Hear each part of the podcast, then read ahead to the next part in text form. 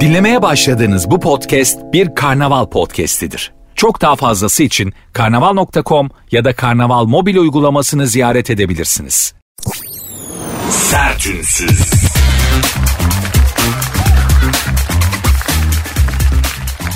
Herkese merhaba. Sert Ünsüz başladı. Ben Nuri Özgül. Saat 22'ye kadar beraberiz. Günün, günlerin ve gündemin bünyenizde biriktirdiği negatifi bir miktar da olsa alıp hiç olmazsa şöyle bir kabasını alıp sizlere mümkün olduğunca pozitif vererek rehabilite etmeye çalışacağım. Yaparım yapamam bilmiyorum ama benim vaadim budur hanımlar beyler. Saat 22'yi gösterdiğinde hiç merak etmeyin. Şu anda olduğunuzdan bir miktar da olsa bir tık da olsa kendinizi daha iyi hissedeceksiniz. E hiç yok da nedir ya ne yapayım ben de size komple bir rehabilitasyon sunamam. Ha yanında olsam birebir olsak face to face olsak yeminle müsekkin yeminle e, pasiflora gibi adamım. Yani bunu itiraf ediyorum. Benim yanıma gelip de buradan benim yanımdan stresli rehabilite olmamış böyle bir sakinleşmemiş. Ya yok be fena değil be falan hani olur be aman be hani böyle bir rahatlığa ermemiş şekilde ayrılabilen insan evladı daha olmadı. Alırım siniri ayrı konu ama ulusal bir yayında yani muhtemelen milyonlarca insan duyuyor. Ya da en azından ben kendimi öyle kandırıyorum. Hepinize tek tek baş edemem. Çünkü hepinizin kendine göre bir meşrebi, herkesin kendine göre bir derdi var hanımlar beyler. Kişiye özel rehabilitasyon yapabilmem için İngilizlerin face to face dediği o Osmanlıcası da ru be ru yani yüz yüze anlatabiliyor muyum? Face to face İngilizcesi bizim eski Türkçesi de ru be ru. Ru yüz demek. Bunlar çengel bulmaca da çıkıyorlar yani. Bir biliyor olmanız lazım. Yüz, ru, kuzu sesi, me, su, ap veya ma. Bunlar, bunlar yıllardır bulmacalarda çıkan şeyler. Şöhret de oradan anlaşılır biliyor musunuz? Çengel bulmacanın ortasında yüzünü gördüğün an fotoğrafını böyle aptal aptal sırıtan fotoğrafı koyarlar genelde ünlünün. Çengel bulmacanın tam ortasında böyle damga pulu gibi, dilekçe pulu gibi böyle kendi fotoğrafını gördüğün an gazetenin bulmaca ekinde anla ki artık şöhretsin. Anla ki artık şöhret buradan anlaşılır. Yani sokakta yürüyemiyorum abi falan. Kardeşim çengel bulmacada suratını bastılar mı? Fotoğraftaki sanatçı diye sordular mı ok çıkartıp? Ha, ben ona bakarım. Eğer bu yapılmadıysa sen benim gözümde ünlü falan değilsin. Hiç. Bunlar tırıvırı işler. Şöhretin çok enteresan kriterleri vardır. Yani hani çok para kazandım. Sanatçıyım. Mesela işte ses sanatçısıyım. Albüm yaptım. Büyük yırttım. Çok para kazandım. Yolda yürüyemiyorum. Evet. Çengel bulmacada yüzünü çıktı mı kardeşim? Çengel bulmacada fotoğrafını koyup sordular mı? Fotoğraftaki sanatçı diye. Hayır. Aa. Eksik. Şöhretinde bir eksik var. Çengel bulmacada yüzün çıkana kadar böyle pişmiş kelle gibi sırttan benim için şöhret değilsin. Ha keşke her meslek şöhret yapsa. Mesela yani şimdi mi ses sanatçısı ne bileyim işte ressam efendim enteresan radikal bir sanat yani işte aklına geliyorsa sinema sanatçısı oyuncu falan bunlar şöhret yapıyorlar seni bütün dünyaya tanıtıyorlar. Ama mesela hani şöhretli bir muhasebeci değil mi? Düşünce şöhretli bir yeminli mali müşavirsin mesela. Hani mümkün değil bir popçu kadar şöhretli olman. İmkan Ajdar Anik diye bir adam var. Onun kadar bile en kral yeminli mali müşavir onun kadar şöhret yapamaz. Mümkün değil. Bazı mesleklerin böyle handikapları var. Ha ben de isterdim mesela popstar gibi bir yeminli mali müşavir olsun. Düşünsene kadınlar üstünü parçalıyorlar. Bilanço mu çıkar hıdır diye mesela hani yani insan hayal etmeden duramıyor. Eski mesleklerimden biri olduğu için muhasebe. Eski mesleklerim diyordum. Gördüğünüz gibi e, çok işe girip çıkmış hayta bir adamım. Olsun. Bu da bir şey. Her renge boyandım bir fıstık yeşili kaldı diye bir laf vardır. Gerçekten de öyledir. Çok işe girip çıkmıştım. Özellikle okurken ne yapalım para kazanmak için falan. Bunların da bana hayatta getirisi oldu. Bak burada anlatıyorum işte bundan para kazanıyorum yani. Hanımlar beyler sert ünsüz başladı ben Nuri Özgül saat 22'ye kadar beraberiz. Allah aşkına bırakma. Lütfen oturun çayınızı koyun kendinizi bana bırakın. Ben sizi rehabilite edeceğim. Şöyle bir hiçbir şey düşünsenize size hiç kimse bir şey sormayacak. Hiçbir şey anlatmak zorunda değilsiniz. Kimseye bir şey söylemek zorunda değilsiniz. Ben anlatacağım siz dinleyeceksiniz ya. Bu kadar basit. Çayınızı koyun bacağınızı uzatın atın. Araba kullanıyorsanız bunları yapmayın. Araba kullanıyorsanız yola bakın ağzınızı yaymadan dikkatli bir şekilde. Ben anlatacağım yandan böyle bir eşlikçi gibi yan koltukta oturan bir arkadaş gibi size mıyıl mıyıl anlatacağım. Tatlı bir sohbetle gideceğiniz yere kadar sizi peluze gibi yapıp göndereceğim inşallah. Programın Instagram ve Twitter adresleri var. Bu şekilde muhatap olabiliriz birbirimizle. Sert unsuz yazıp sonuna iki alt tere koyuyorsunuz. Benim Instagram adresim de Nuri Ozgul 2021. Hadi başladık bakalım. Sertünsüz.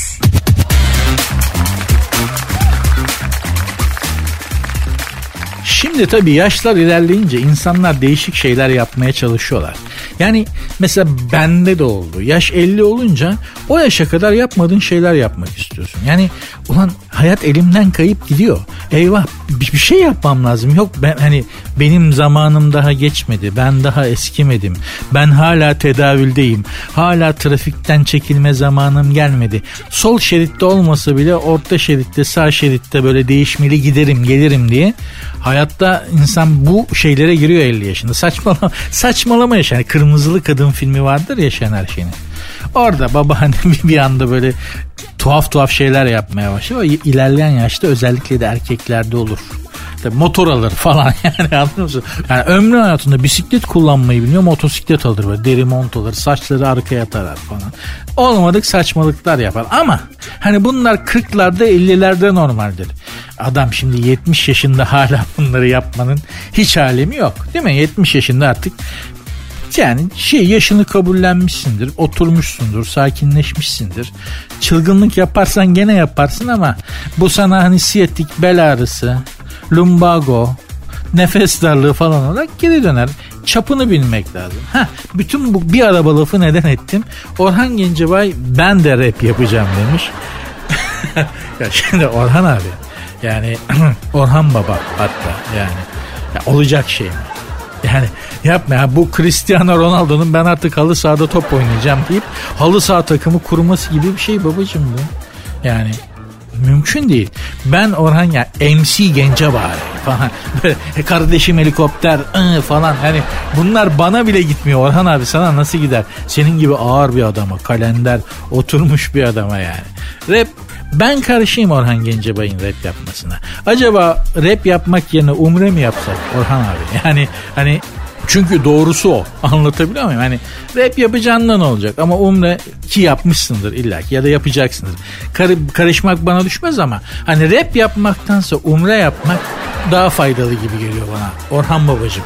Bilemiyorum tabii yine de siz bilirsiniz yani de biliyorsunuz Orhan Gencebay bu ülkede e, müzik konusunda gerçekten bir zirvedir. Yani Orhan Gencebay'a hiçbir konuda akıl veremezsiniz. Müzik konusunda hiçbir şey söyleyemezsiniz. Herkesten daha iyi bilir yani. Müziği kralını bilir. Hatta vakti zamanında Kadir Çöpdemir bir rock dergisinde yazardı Kadir abi bu ülkede gerçek rakı, rakı Orhan Gencebay yapıyor demişti de Kadir abi rakırlar linç ediyordu. Sen ne diyorsun falan filan. Sonra o rakırlar birbirlerini dirsekliye dirsekliye Orhan Gencebay'ın elini öpmeye koştular. Zaman geçti. Hepsi o rakırların Orhan Gencebay yoz müzik yapıyor rakla ne alakası var diyenlerin hepsi hemen hemen hepsi Orhan Baba'nın elini öpmek için sıraya girmişlerdi. Öngörülü olmak da iyi değil. Yani adam bütün bunları 30 sene önceden görüp söylemiş erken öten horozun başını keserler derler ya. Gerçekten de öyle olmuş yani. O öngörülü olmuş. Adam 30 sene sonrasını görmüş. Demiş ya bu adam gerçekten rock müzik yapan tek insan bu ülkede. Orhan Gencebay için çok öngörülü olmak da iyi değil. Bak çok yıprattılar Kadir abi. Orhan Baba'ya tavsiyem rap yapmaması yönündedir. Ha yapamaz. Kralını yapar. Eminem'den daha iyi yapar. Ama yakışır mı?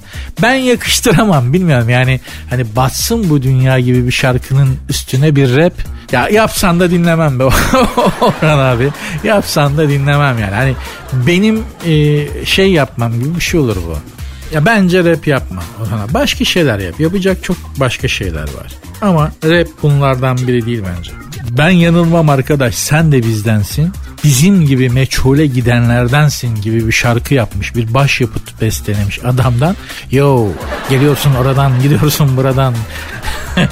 Çocuğu bıraktım oturakta bekliyorum durakta falan. Bunlar Orhan abi hiç girmesek bunlara daha iyi be. Vallahi yani. Bence yani benim acizane tavsiyem. Yap ayrı. Dinler miyim? Hayır. Şimdiden söyleyeyim ama kralını yapar ayrı konu. Sertünsüz.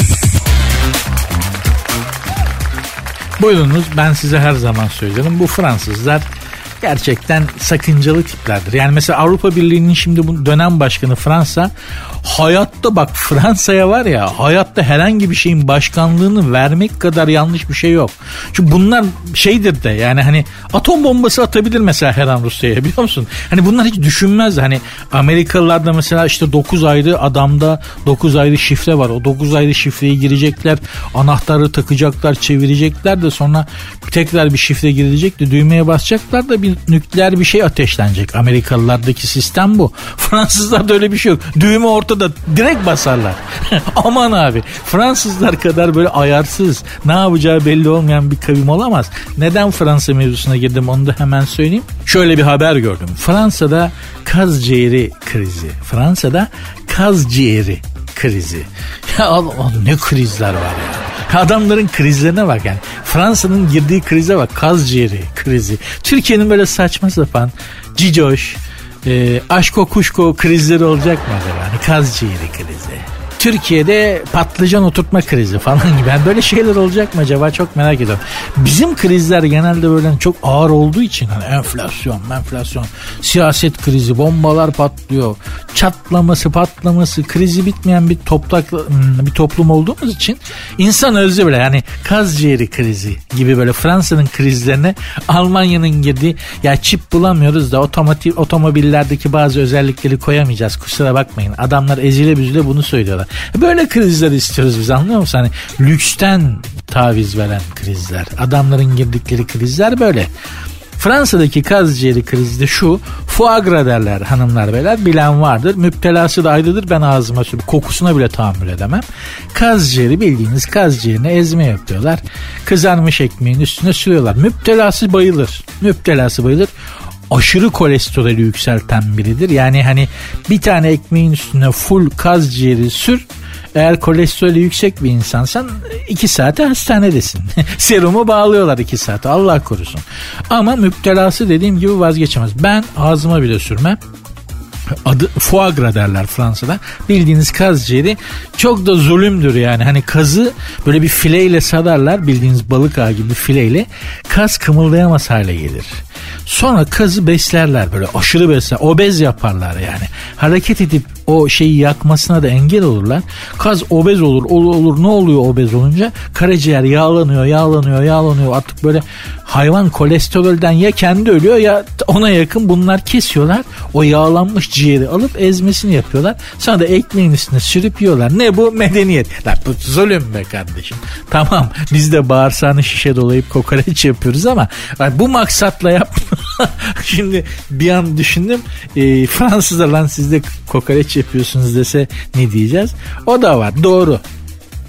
Ama yine de hani kaz ciğeri maz ciğeri bize ters. Şimdi bunlar niye kaz ciğeri krizine girmişler Fransa'da? Ee, tedarik sıkıntısı yaşanıyormuş. Artık bu pandemi kaynaklı artık. Kazlar mı obez olmuyor? Kaz mı bulunamıyor? Kaz ciğeri krizi nasıl çıkar bilmiyorum ama e, Michelin yıldızlı ünlü restoranlar porsiyonları küçültmeye gitmişler. Çünkü kaz ciğeri tedarik edemiyorlarmış. Ya yazık ya. Ya yazık ya. Düşünebiliyor musunuz nasıl büyük, nasıl trajik bir şey. Fransa kaz ciğeri yiyemiyor ya. Allah'ım ya Rabbim. İnşallah Allah bize de hani kriz nasip edecekse böyle kriz nasip etsin. Ama tas kebabı yapamıyoruz. Patlıcan bulmakta zorluk çekiyoruz kardeşim falan filan gibi. Böyle krizlerimiz olur inşallah. Allah öteki türlüsünden hepimizi korusun. Hanımlar beyler programın Instagram ve Twitter adreslerini hatırlatayım da fikir, görüş ve düşüncelerinizi beyan etmek isterseniz belki olabilir. Bana yazmakta serbestsiniz. Ne istiyorsanız. Hiç çekinmeyin. Elinizle korkak alıştırmayın. Ne geliyorsa yaz gitsin. O kadar krediniz var. Bana ne istiyorsanız söyleyebilirsiniz. Ne kızarım ne küserim. küfür edenler falan oluyor da emin olun onlara bile nezaketle cevap veriyorum. Neden? Ya adamcağız belli ki kimseye boşalamıyor anlıyor musun? İçini dökemiyor. Yani yanındaki karısına kocasını anlatamıyor. Öfkesini kusamıyor ya da ya buradayım hedef tahtasındayım. Başkasına bile kızdıysan hırsını benden çıkar. Ne olacak ya? Şurada kardeşiz ya vatandaşız. Birbirimizi kahrını çekeceğiz bu kadar kardeşim. O yüzden bana ne istiyorsanız yazabilirsiniz. Ya dur şunun canını sıkayım biraz deyip ya ne biçim program yapıyorsun sen adam mısın falan. Yaz. içinden geldiyse yaz. O sözlerin başkasına söylendiğini ben biliyorum kardeşim. Sen merak etme. Programın Instagram ve Twitter adresleri aynı. Sert unsuz yazıp sonuna iki alt tire koyuyorsunuz. Benim Instagram adresim de Nuri Ozgul 2021. Sertünsüz. Evliliğin sırrı yatak odasındaymış. Hangi evliliğin sırrı? Meksika asıllı Amerikalı oyuncu Eva Longoria artık bu Eva mı okunuyor? Eva okunur ama bu Meksikalı olduğuna göre. Eva Longoria ile eşi Joe Baston ile mutlu evliliğin sırrını açıklamış. Cümlenin düşüklüğü tamamen gazetenin, haberi yazan gazetecinin marifeti benim değil. Eva Longoria demiş ki mutluluğun sırrı demiş yatak odasındır demiş. Biliyoruz yani. yani mutluluğun yollarından biri de oradan geçer. Tutkuyu yaşamak, yaşatmak önemli demiş. Eyvallah. E, eşimle bağlantımızın en güçlü yolu demiş Honduras. E, ülke olarak değil fiil, aktivite olarak Honduras. Orijinal adını söyleyemediğim için Honduras diyorum. Honduras, Honduras, Honduras. Siz getirin gözünüzün önüne. Efendim ayrıca demiş o dört duvar arasındaki özelimizi demiş ben kız arkadaşlarıma da anlatıyorum demiş. Görüş fikir ya bunlar baya futbol maçı yani durdur hocam bak şimdi buradan topu attı girdi falan hani böyle Erman Toroğlu falan yapıyor ya böyle bunlar böyle kendi aralarında ah dört duvar arasındaki özellerini kritik ediyorlarmış kızlar grubu olarak bak bunu erkekler asla yapmaz ya hanımlar şunu itiraf edelim yani bu dünyada kadın olmak çok zor eyvallah kadınlık kendi başına zor. Yani hani kolay bir şey değil. Bu dünyada her şey kadınlar için olsa kadın olmak gene zor. Samimi fikrimi söylüyorum. Zor. Çok da zulüm görüyorsunuz. Eyvallah. Neler yaşıyorsunuz hiçbirini anlatamıyorsunuz. Eyvallah. Hepsine eyvallah. Gerçekten itirazım yok haklısınız. Ama şunu erkekler yapmaz. Yani şunu yap şunu yapan erkek de tek tüktür. Onlar da arkadaş ortamından dışlanır zaten. Yani o dört duvar arasında yaşanan özeli anlatmak hiçbir erkek bunu yapmaz. Hiçbir erkek. Yani en yakın arkadaşınla bile yapmazsın. Mevzusu bile geçmez. Geçmez yani. Böyle bir şey mümkün değil. Yazılı olmayan ama çok sert bir kuraldır erkek dünyasında bu hani evliliğinde kendi özelini bir arkadaşına anla mümkün değil ya. ya. Ya şu an bile tüylerim diken diken oldu. Böyle bir şey düşünülemez. Ama buyurun Eva Longoria takır takır kız arkadaşlarıyla kafe lattelerini içerken ay benimki beni dün tuttu şey yaptı aa öyle mi o nasılmış ya bana tarif etsene biz de yapalım gibi. Allah ya Rabbim sanki dantel örneği tarif ediyor. ya Eva Longoria kocasının da Kocasının da bayağı manidar bir soyadı var. Ee, Jose Baston Jose Baston özellikle soyadı pek çok e, Eva ile ilgili çok çağrışım yaptırıyor gerçekten. Tövbe estağfurullah. Nerelere girdik akşama? Eva bizi hangi mevzulara soktun ya? Ayrıca demiş bu özel hayatından hani dört duvar arasında e, işte sevgilisiyle, kocasıyla, karısıyla yaşadığı o dört duvar arasındaki özel durumları paylaşmayan insanları da birbiriyle sinsi buluyorum. Delikanlı bulmuyorum demiş. Hakikaten eve sokulacak kadın değilmişsin be Eva. Yani hakikaten eve sokulacak kadın değilmişsin. Bunun kocasıyla asıl konuşmak lazım. Hani Jose Baston var ya. Baston yani tamam eyvallah Baston ama yani nereye kadar Baston ya? Bu Eva Eva bu kadına sen bir ayar çek karına yani. Hani karıcım da özelimizi bu kadar de bunu bak de gazetelere çıkmış. Türkiye'de bile maytap geçiyorlar bizimle. Yapma hayatım bazı şeyler bizde kalsın da ya. Hayret bir şey ya. Kadın açık açık söylüyormuş. Allah'ım ya Rabbim. Allah'ım düşmanıma bile vermesin. Düşündüm düşmanıma versin. Vazgeçtim. Düşmanıma versin ama hani sevdiklerime, sevenlerime bana vermesin bu nedir ya? Bu nedir arkadaş ya? problemli yaşı, yaşıyorsan bir şey değil mi? Yani bazı şeyler kendi aranda kalır. Bazı şeyleri kendi aranda bile konuşmazsın. Şimdi yani hani açık açık konuşamıyoruz ama kendi aranızda bile bazı şeyleri konuşmaz. Kadına bak ya. Çinoa tabule salatası yerken dört kız birileri kahve içiyor biri. Ay öyle oldu böyle oldu pencereye karşı. Tövbe ne kapatıyorum mevzuyu tamam tamam. Allah'tan biz öyle insanlar değiliz yani kadın erkeği. Henüz bu, bu kadar rahat değiliz yani inşallah olmayız da aman diyeyim.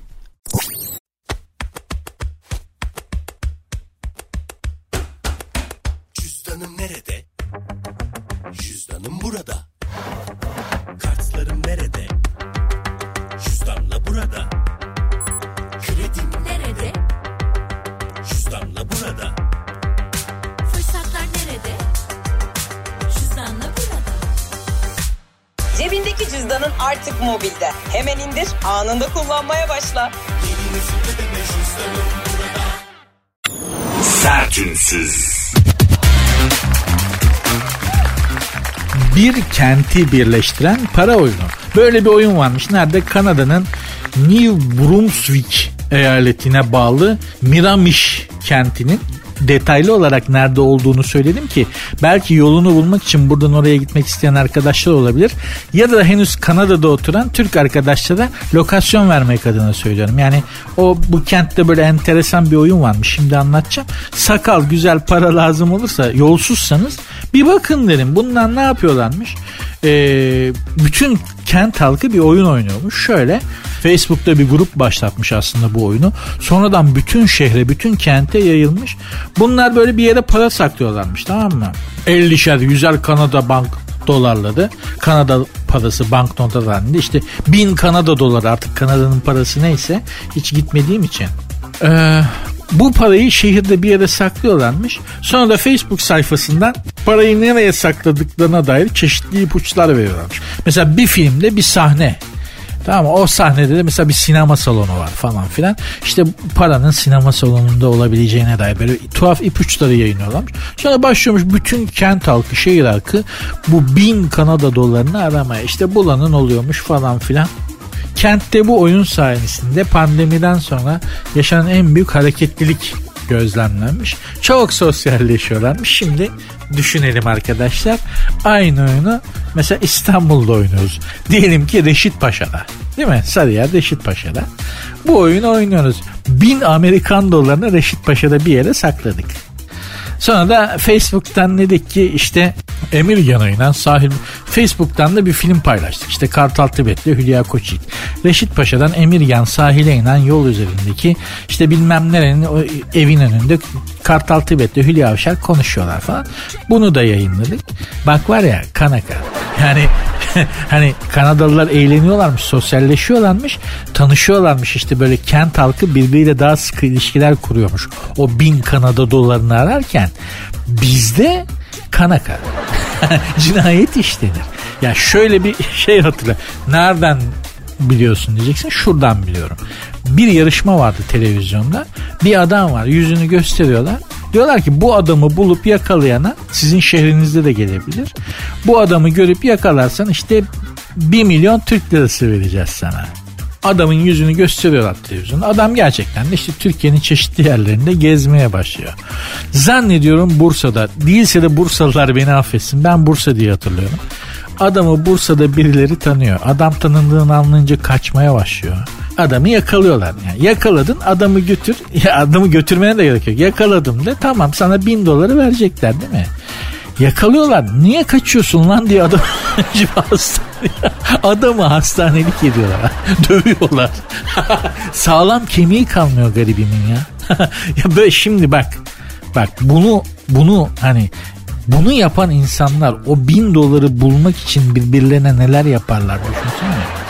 Yani önce sen buldun ben buldum oradaydı buradaydı. Bu bahçe benim karı bak bin doların saklandığı yerin bahçe ise bir yerse sahibi.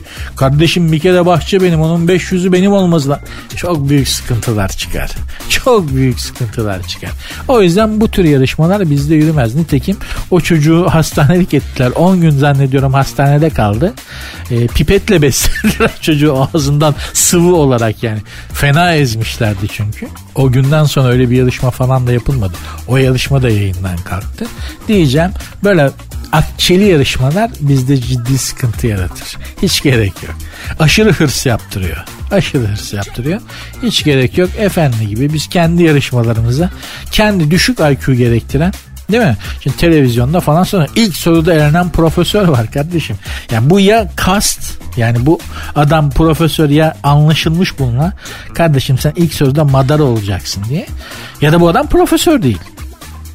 Değil mi? Yani hani başka bir ihtimal var mı? Bizim her şeyimiz kendimize benzediği gibi yarışmalarımız da kendimize benziyor gerçekten. Allah da başka birine benzetmesin zaten. Sertünsüz. Kayıp Nostradamus kitabı bulundu. Nostradamus adıyla anılan Fransız astrolog Michel de Nostradam'ın kehanetlerini içeren el yazması kayıp kitap bulunmuş. 2007'de İtalya'nın başkenti Roma'da bir kütüphanede çalın, kütüphaneden çalınmış. Almanya'dan bir çevrim içi müzayede de ortaya çıkmış. Hemen çökmüşler tabii. 500 sayfaymış. 300 yıl önce yazılmış Latince. 12 bin euro istenmiş kitap için. Tekrar söylüyorum ünlü kahin e, Michel de Nostradam yani Nostradamus adıyla bilinen Nostradamus'un kayıp kitabıymış bu. Aslında kayıp değil yani çalınmış 2007'de. Neyse kitap ortaya çıkmış. Şimdi Nostradamus kahin diye bilinir. Biraz böyle medyum falan muamelesi yaparlar. Michel de Nostradam aslında önemli bir bilim adamıdır. Astronomdur. Astrolog muamelesi yaparlar. Halbuki gökyüzünü, uzayı araştırmıştır. Ve tıpla ilgili de çok enteresan çalışmaları var.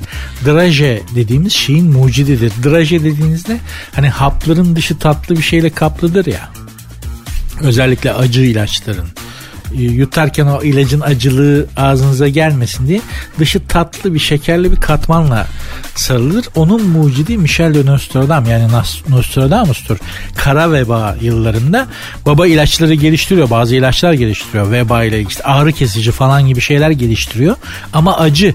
Diyor ki insanlar bunları bunu çok acı yutamazlar falan. Ne yapsam ne yapsam adam o acı ilaçları taze gül yapraklarıyla sarıyor ve öyle veriyor hastalarına ki yutarken o gül yaprağının tadı gelsin ağzına mideye indikten sonra koy ver gitsin fark etmez ama baba yani bugün draje dediğimiz olayın ilk mucidi ilk düşüneni gül yapraklarıyla. Michel de Nostradam dediğin adam boru değil yani öyle medium öyle o üç vakte kadar sana şu olacak falan değil. Gerçekten babanın çok enteresan şeyler gördüğü söylenir yani bugünü, yarını, işte e, geleceği falan açık açık da yazmış. Yani şöyle olacak işte göktaşı düşecek, felaket olacak, mikrop çıkacak, binlerce insan ölecek, yer yarılacak, kıtlık olacak, öyle savaş çıkacak. Her şeyi açık açık yazmış. Kağıtlara böyle gördükçe. Sonra karısı okumuş bunları. Kadın aklını kaybediyormuş demiş Michel. Bu böyle olmaz kocişko. Nasıl olmaz hatun ne diyorsun sen? Ayol demiş bunlar çok korkunç. Kocacım yani bunlar demiş ben okurken korktum. Vallahi demiş insanlar senden nefret ederler. Ayrıca demiş bunları bulurlarsa biz de altımıza odunu koyup yakarlar kocacım demiş. E ne yapacağız demiş ya insanlığın bunları bilmesi lazım. Aman demiş boş ver bilmeseler ne olur hayatım. Senin benim canımın sağlığından iyi mi? Boş ver demiş. Yok demiş Nostradamus ben boş veremem. Aman demiş o zaman şifreli yaz. Nasıl? Demiş yani öyle bir yaz ki senden başkası anlamasın ya da olay gerçekleşince anlaşılsın. Ha bak bu buna denk geliyormuş falan diye. Michel de Nostradam'da doğru dedin karı aferin 40 yılda bir düzgün laf ettin diye oturmuş şifreli şifreli yazmış. Şimdi gerçekten al Nostradamus'un Kehanetler kitabı da dünyanın en çok satılan kitaplarından biridir. Al oku hiçbir şey anlamazsın. Hiç Serdar Ortaç'ın şarkı sözleri ni al koy Nostradamus'un kehanetleri gibi bir şey yani. Hiç fark etmez. Diyeceğim hanımlar beyler Nostradamus'un kehanetler kitabı bulundu kayıp kitap bulundu falan diyor ama size bana bir faydası yok. Okusan da bir şey anlamıyorsun. Ancak olay olduktan sonra falan hani anlayabiliyorsun. Fakat bu gerçekten çok ciddi bir Nostradamus uzmanı dediğimiz insan kalabalığı vardır. E, deşifre edebilmek için. Hani hayatını Nostradamus'un kehanetlerine adamış insanlar vardır dünyada. Bunları çözmek için uğraşırlar falan. Ama çözebilen var mı? Yok. Anca olay olduktan sonra işte falan yani. En güzelini bizim mutasavvıflarımız, sufilerimiz söylemiş değil mi? Tasavvufun büyük, büyükleri. Olan olmuştur, olacak olan zaten olmuştur. Bak lafa bak. Olan olmuştur, olacak olan zaten olmuştur demiş babalar. Biz bunu çözsek yeter zaten. Boş ver Nostradamus'un kitabını. Şunu çözelim hepimize yeter. Hepimize yeter. Allah çözmeyi nasip etsin. Sertünsüz.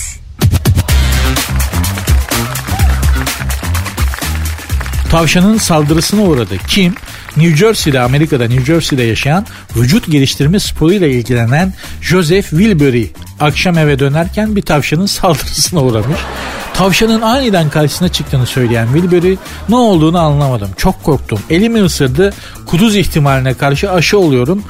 Çok şaşkınım demiş. Şimdi tabii tavşanın saldırısına uğradı deyince arkadaş ortamında epey bir makara konusu olmuştur bu Joseph değil mi? Yani arkadaş dediğin şey neden iyi bir şeydir? Her türlü makara yaparsın kızmaz. Başka kızın yanında karizma yapmak için onu maymun edersin. Onunla dalga geçersin. Eyvallah der. Terk edilirsin. Arkadaşının kafasını günlerce şişirirsin. Sabırla seni dinler. Kendini dağıtırsın. Ge- gelir arar bulur seni toplamaya çalışır. Borç istersin verir. Bir ay ona yığılırsın evinde kalırsın. Hayvan gibi yaşarsın böyle. Bedava gık demez. Arkadaş şahane bir şeydir. Böyle arkadaş bulabilirsiniz tabii. Dediğim gibi yeri geldiğinde makara yaparsın. Hatta alay edersin. Ben Joseph'in arkadaşı olsam mesela illa ki bu olaya dair bir makaramı yapalım. Joseph kaç Bunny geliyor diye illa bir makara yapılır yani ama bir tavşanın saldırısına uğramak aslında alay edilecek bir şey midir? Asla. Neden? Çünkü tarihte bunun başka örnekleri var. Hem de kim? Bilinen en büyük generallerden, en büyük askerlerden biri olan Napolyon Bonaparte da tavşan saldırısına uğramış. Nasıl olmuş? Şöyle olmuş. Ee, kendisi ve adamları için bir tavşan avı düzenlenmesini emretmiş Napolyon adamlarına, uşaklarına falan. Napolyon'un uşağı diyorsun. Napolyon'un uşaklarının torunları şu anda euro milyoneri. Biliyorsunuz değil mi? Çünkü Napolyon'un uşaklarının evleri Fransa'nın en kıymetli alanı olan Ile de la Cité'de yani Notre Dame meydanındaki binalar Notre Napolyon'un uşaklarınınmış.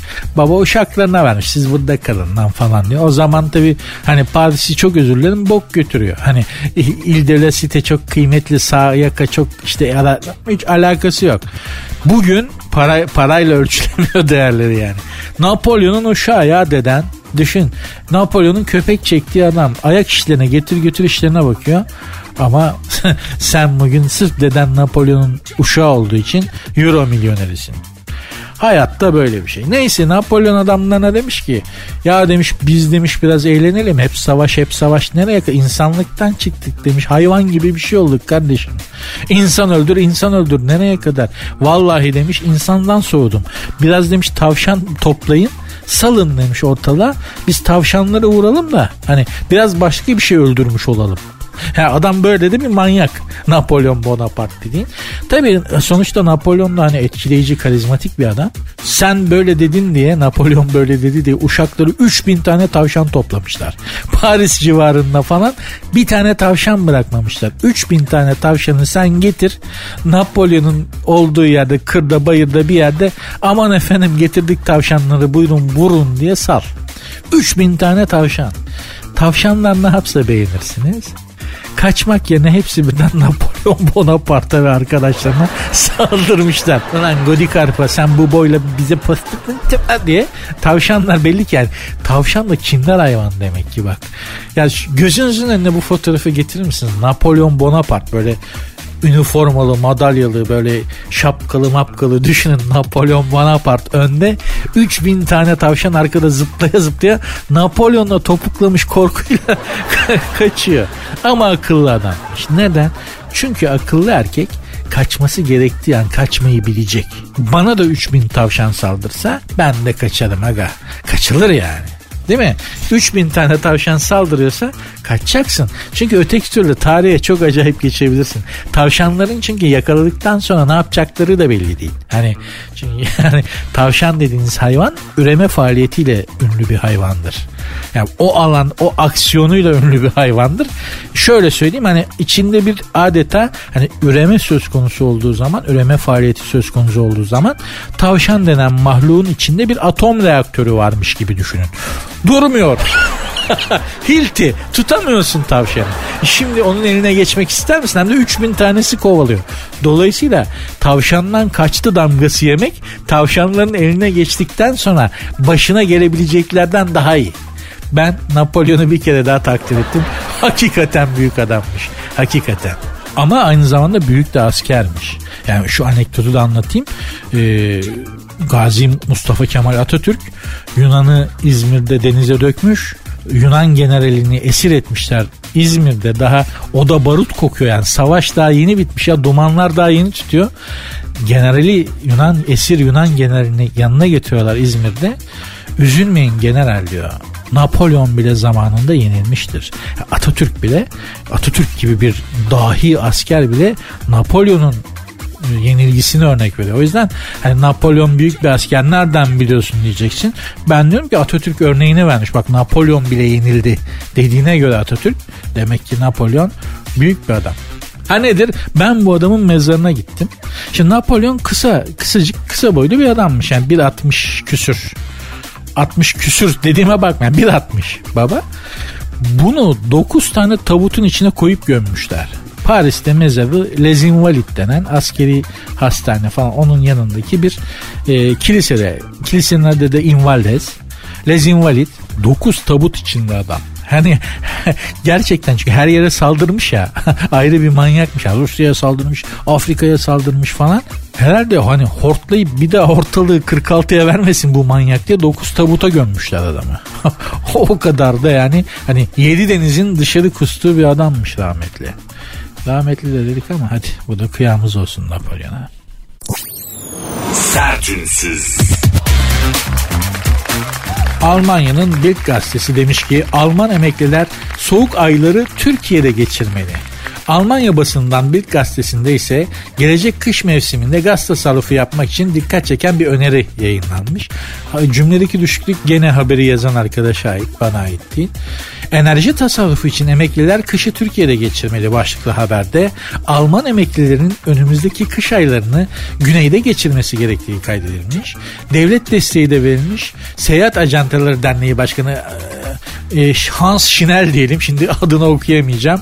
Alman devletinin Mallorca, Tunus veya Türkiye'ye uzun vadeli seyahatler için 5000 euroluk destekli bulunması gerektiğini savunmuş. Yani şöyle şimdi Rusya Ukrayna'ya daldı ya arkadaşlar. Dolayısıyla Rusya'da gazı kesti ya bunlar bu kış donacaklar Rusya kriz vermesi. Amerika tankerle gaz yolluyor ama taşıma suyla değirmen dönmez. O gazın karadan gitmesi lazım. Bu arada aşağıda Araplar sulandılar. Aman bu arada biz bağlayalım gazı Avrupa'ya diye. Yunanistan devreye girdi. Ya Türkiye üzerinden ne gerek var? Ege üzerinden Yunanistan bizden Avrupa'ya biz çok güzel size vana oluruz dediler falan. Ortalık çok karışacak. Dolayısıyla şimdilik e, Avrupa'da bir e, enerji krizi var. Doğal gaz krizi var. Dolayısıyla da Alman basını diyor ki aklı evveller. Ya diyorlar bu yaşlıları biz kışın Türkiye'ye postalayalım. Tamam mı? Türkiye'de kalsın bunlar. Böylece hani nüfus azalır, insan sayısı azalır. Tükettiğimiz gaz oranı düşer, gaz bulmakta zorlanmayız diyorlar. Yaşlılar da Türkiye sıcak ya. da Türkiye'de doğal gaz var nasılsa kaç para fiyat koysa Türkler ödüyor canına yandığını doğal gazı. Bir ürün düşün adı doğal gaz ama fiyatı doğal değil. Yani hani doğal gazın maliyeti şu an doğal değil. Çok acayip. Ürünün kendisi doğal ama fiyatı doğal değil. Mesela patlıcan da öyle. Doğal bir şey yani tabiatta yetişen bir şey ama fiyatı doğal değil. Türkiye'nin böyle çelişkileri var. Şimdi şahsen açık söyleyeyim. O 5000 euroyu hani 5000 euro destek verilecekmiş ya. O 5000 euroyu bize ateşleyeceklerse buyursunlar gelsinler. Böyle mülteciye can kurban canına yandımın. Ben iki tane yaşlı Alman'a bakarım mesela alırım yanıma yani. Yerim müsait. Kışın battaniye örterim üstlerine.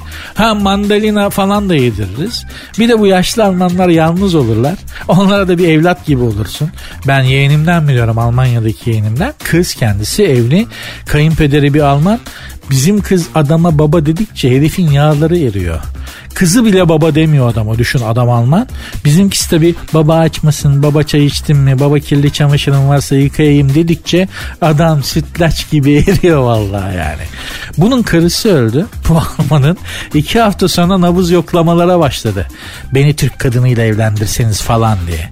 Gördü tabii Türk kadınının evin içinde nasıl deli divane olduğunu, nasıl deli bir çılgın evlatlarına, kocasına nasıl böyle hizmet eden bir anne olduğunu gördü çakal Alman.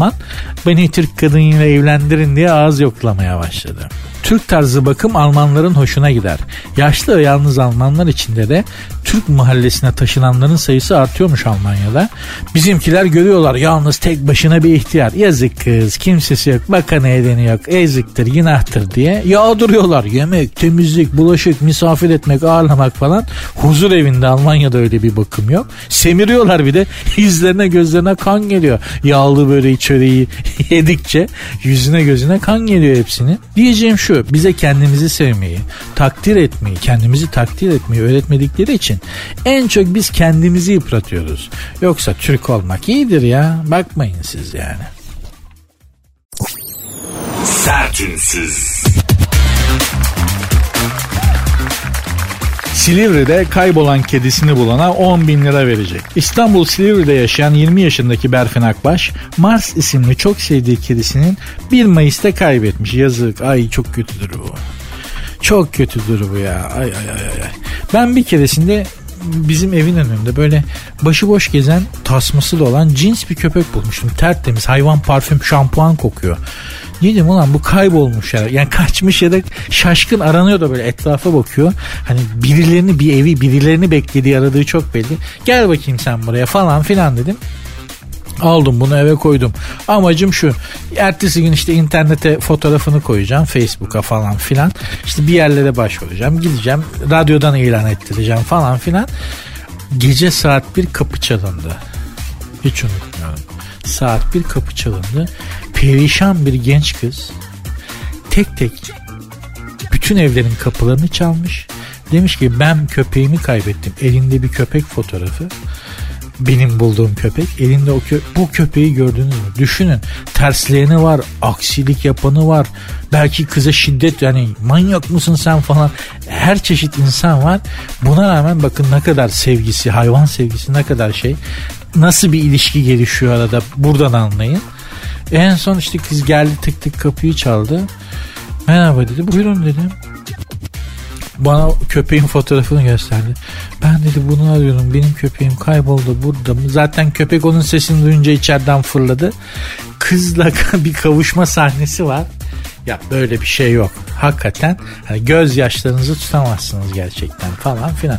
Diyeceğim hani 1 Mayıs'ta kedisini kaybetmiş. Önce bulana 2500 lira ödül vereceğim diye ilan vermiş. Sonra da 10 bin liraya çıkarmış. Hayvancağız daha bulunamamış. Çok iyi anlıyorum o yüzden kızcağızın durumunu. Ben hiç hani beslediğim baktığım işte hayatımı bölüştüğüm hayvanı kaybetmedim. Kaybolmadılar çok şükür ama e, nasıl bir acı olduğunu, nasıl bir sıkıntı olduğunu tahmin edebiliyorum. Neyse ama bu kızcağız mesela günümüzde değil de 14. yüzyılda Roma'da yaşasa ve böyle bir ilan verse kazığa bağlayıp yakarlardı cadı diye. O zaman Roma'da e, Vatikan'da 9. Gregor var papa 9. Gregor. Adam kedilere takık. Artık neyin kafasıyla kedilerin şeytan olduğunu düşündüyse e, ilan etmiş. Demiş ki kediler şeytandır. Özellikle siyah kediler. Yani bütün kedileri öldürün. Siyah kedileri affetmeyin. Çünkü demiş siyah kediler şeytandır. Kedileri koruyan, kollayan olursa, e, besleyen varsa sahibini de demiş kediyle beraber öldürün. Yakın. Aa, bu veriyor fiştiği, veriyor fiştiği. Ya, o dönem enteresan bir dönem. 14. yüzyıl e, 1500'ler yani.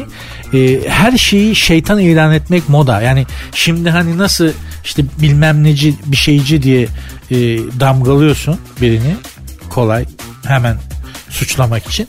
O dönemde de hoşlanmadığın, sevmediğin birini şeytan, şeytanın adamı, şeytanın uşağı diye damgalamak moda. Bu 9. Gregor da takmış şeyler. Mesela Batshuayi bugün olsa hani şeytan şeytan girmiş içine bu kadar gol kaçırıyor olamaz bir insan deyip bu kesin şeytan girmiş. Yakarlardı Batshuayi'yi. Adam adam her yerden gol kaçırdı. Gol makinesi diye aldık. Adam çamaşır makinesi çıktı. falan gibi Neyse Batshuayi'yi geçelim. Moralim sinirim bozuluyor konuşunca. Diyeceğim dönem böyle bir dönem. Yani her şeyi şeytan ilan etmek moda. Gregor da demiş ki işte kediler şeytanın uşaklarıdır. Şeytan kedi kılığına girip dolaşır. Bütün kedileri öldürür. Veriyor fiştiği, veriyor fiştiği. Bütün İtalya, bütün İtalya kedi avına çıkıyor. Ve gerçekten de özellikle Roma'da bir tane kedi bırakmıyorlar hayatta. Hepsini öldürüyorlar.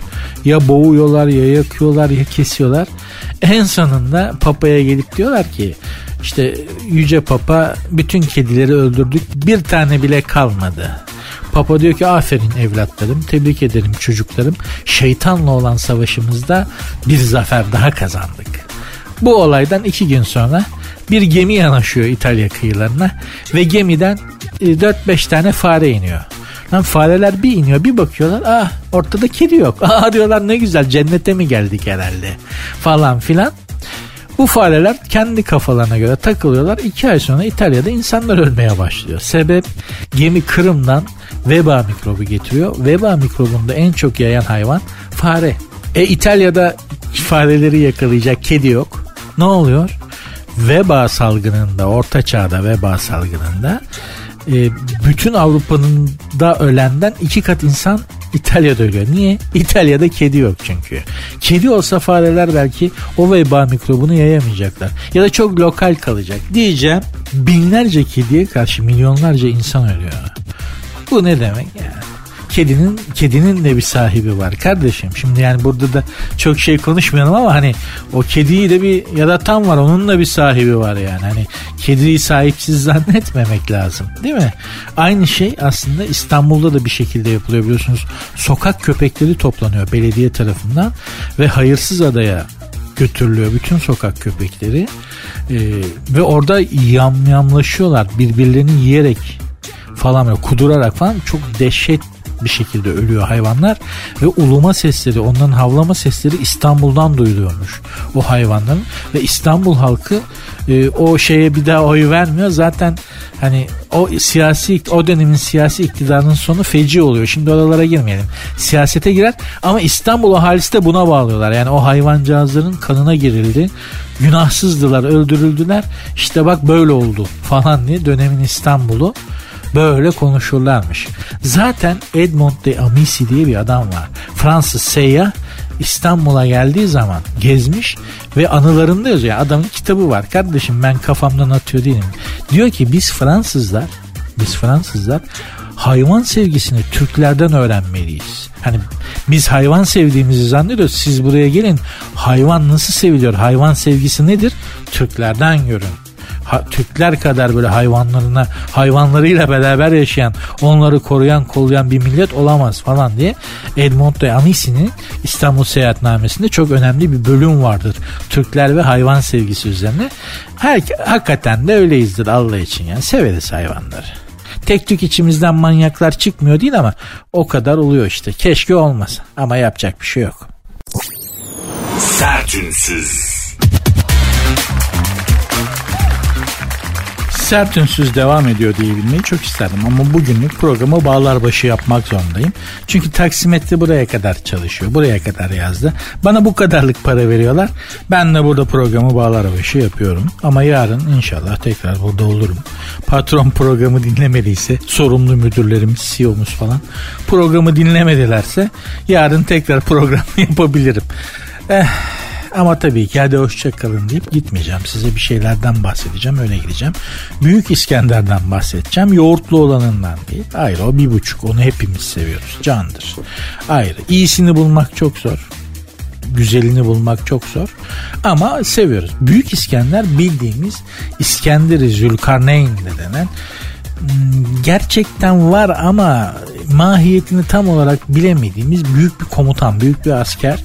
Makedonyalı baba. Hocası da Aristoteles ha. Yani adamın hocasına bak Aristoteles. Şimdi beni Aristoteles yetiştirmiş olsa ben de dünyaya fink atarım yani. Atarım. Kusura bakmayın. Öyledir. Kimin Aristoteles kimin hocası olsa o adam bir fark yaratır. Bu çocuk da gerçekten çap koskoca bilinen dünyanın ilk fatihine çocuk dedim çok özür dilerim. Büyük İskender. Neyse dünyayı fethede de gidiyor biliyorsunuz İskender'i. Filmini de seyretmişsinizdir. Hindistan'a geliyor. Ya bir de bu adam çok deli. Hani her yere kendi gidiyor fethetmeye ve ilk önce kendi saldırıyor. Hani düşmanları saldırıyor ya ordular. En önde bu gidiyor. Koskoca ben Büyük İskender'in yeninde olacağım. Sarayımdan gram kımıldamam çağırırım komutanları. Yavrum sen Hindistan'ı alıyorsun. Sen İtalya'yı alıyorsun. Sen git İspanya'yı al. Almadan gelmeyin ha. Bak yere tükürüyorum. Öyle yollarlardı bizi çocukken ekmek almaya. Oyalanıyoruz ya sokakta oynamak falan hani. O zamanlar sokakta oynamak mümkün. Arkadaşlara takılıyorsun falan. Gelmen iki saat gecikmesin diye. Bak buraya tükürüyorum. Bu tükürük kurumadan eve geleceksin falan. İskender'de büyük İskender olsam komutanları öyle gönderirim. Yavrum Hindistan Tamam Hindistan alıyorsun. Komple hepsini istiyorum. İspanya'yı alıyorsun. Portekiz'i de al. Sen İtalya'yı al. yukarıya İsviçre'ye falan bulaşma. Onlara sonra ben bakacağım bizzat falan. Böyle yaparım yani. Ama bu öyle değil. Bu kendi gidiyor geliyor. Neyse bu Hindistan'ı alacak baba.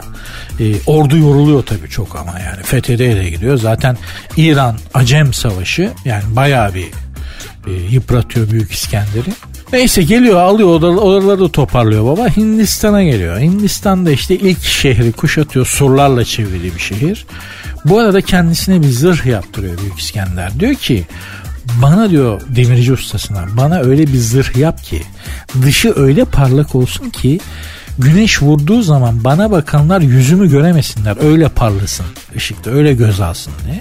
Tabi Büyük İskender söyleyince hani para da var babada her türlü kaynak mevcut. Fonluyor da. Yapıyorlar zırhı. Bu, bu giyiyor.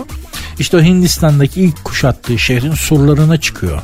Saldırıyorlar deli ya deli adam yani. Önce kendi gidiyor. Surlara çıkıyor merdivenle falan. Fakat merdiven kırılırken düşüyor. Düşmemek için sura tutunuyor. Kendini surun içine atıyor. Tek başına düşman askerlerinin ortasında kalıyor baba. Koskoca Büyük İskender 100 tane adamla çevrildi. Aha diyorlar bizim patron büyük cozladı. Tamam ne yapacağız? Adamlar aşağıda kaldı kendi ordusu. O sırada işte yani zırhım güneş parlayın, güneş vurduğunda zırhım delice parlasın, yüzüm gözükmesin diyor ya baba. Tam babayı böyle kılıçlayacaklar, şişleyecekler. Böyle hani güneş bulutlarının arasından sıyrılıyor ve zırhına vuruyor. Ve bir anda böyle bir enteresan bir ışık oyunuyla beraber Büyük İskender'in yüzü kayboluyor heriflerin gözünün önünde. Vay diyorlar bu insan değil bu paranormal bir varlık. Tanrıların bir elçisi mi şu mu bu mu yoksa şeytan mıdır o mudur Yunanların Zeus dediği bu mudur derken bunlar kılıçları atıyorlar İskender'in önünde secde ediyorlar. Aman biz ettik sen etme. Artık ne zannettilerse Büyük İskender'e. Yalnız Büyük İskender o an epey tırsmıştır değil mi? Ulan ya anlarlarsa tamam yutturduk ama inşallah benim ordu içeri girene kadar bunlar işe uyanmaz falan. Ya insan değil mi? Ben olsam öyle derim.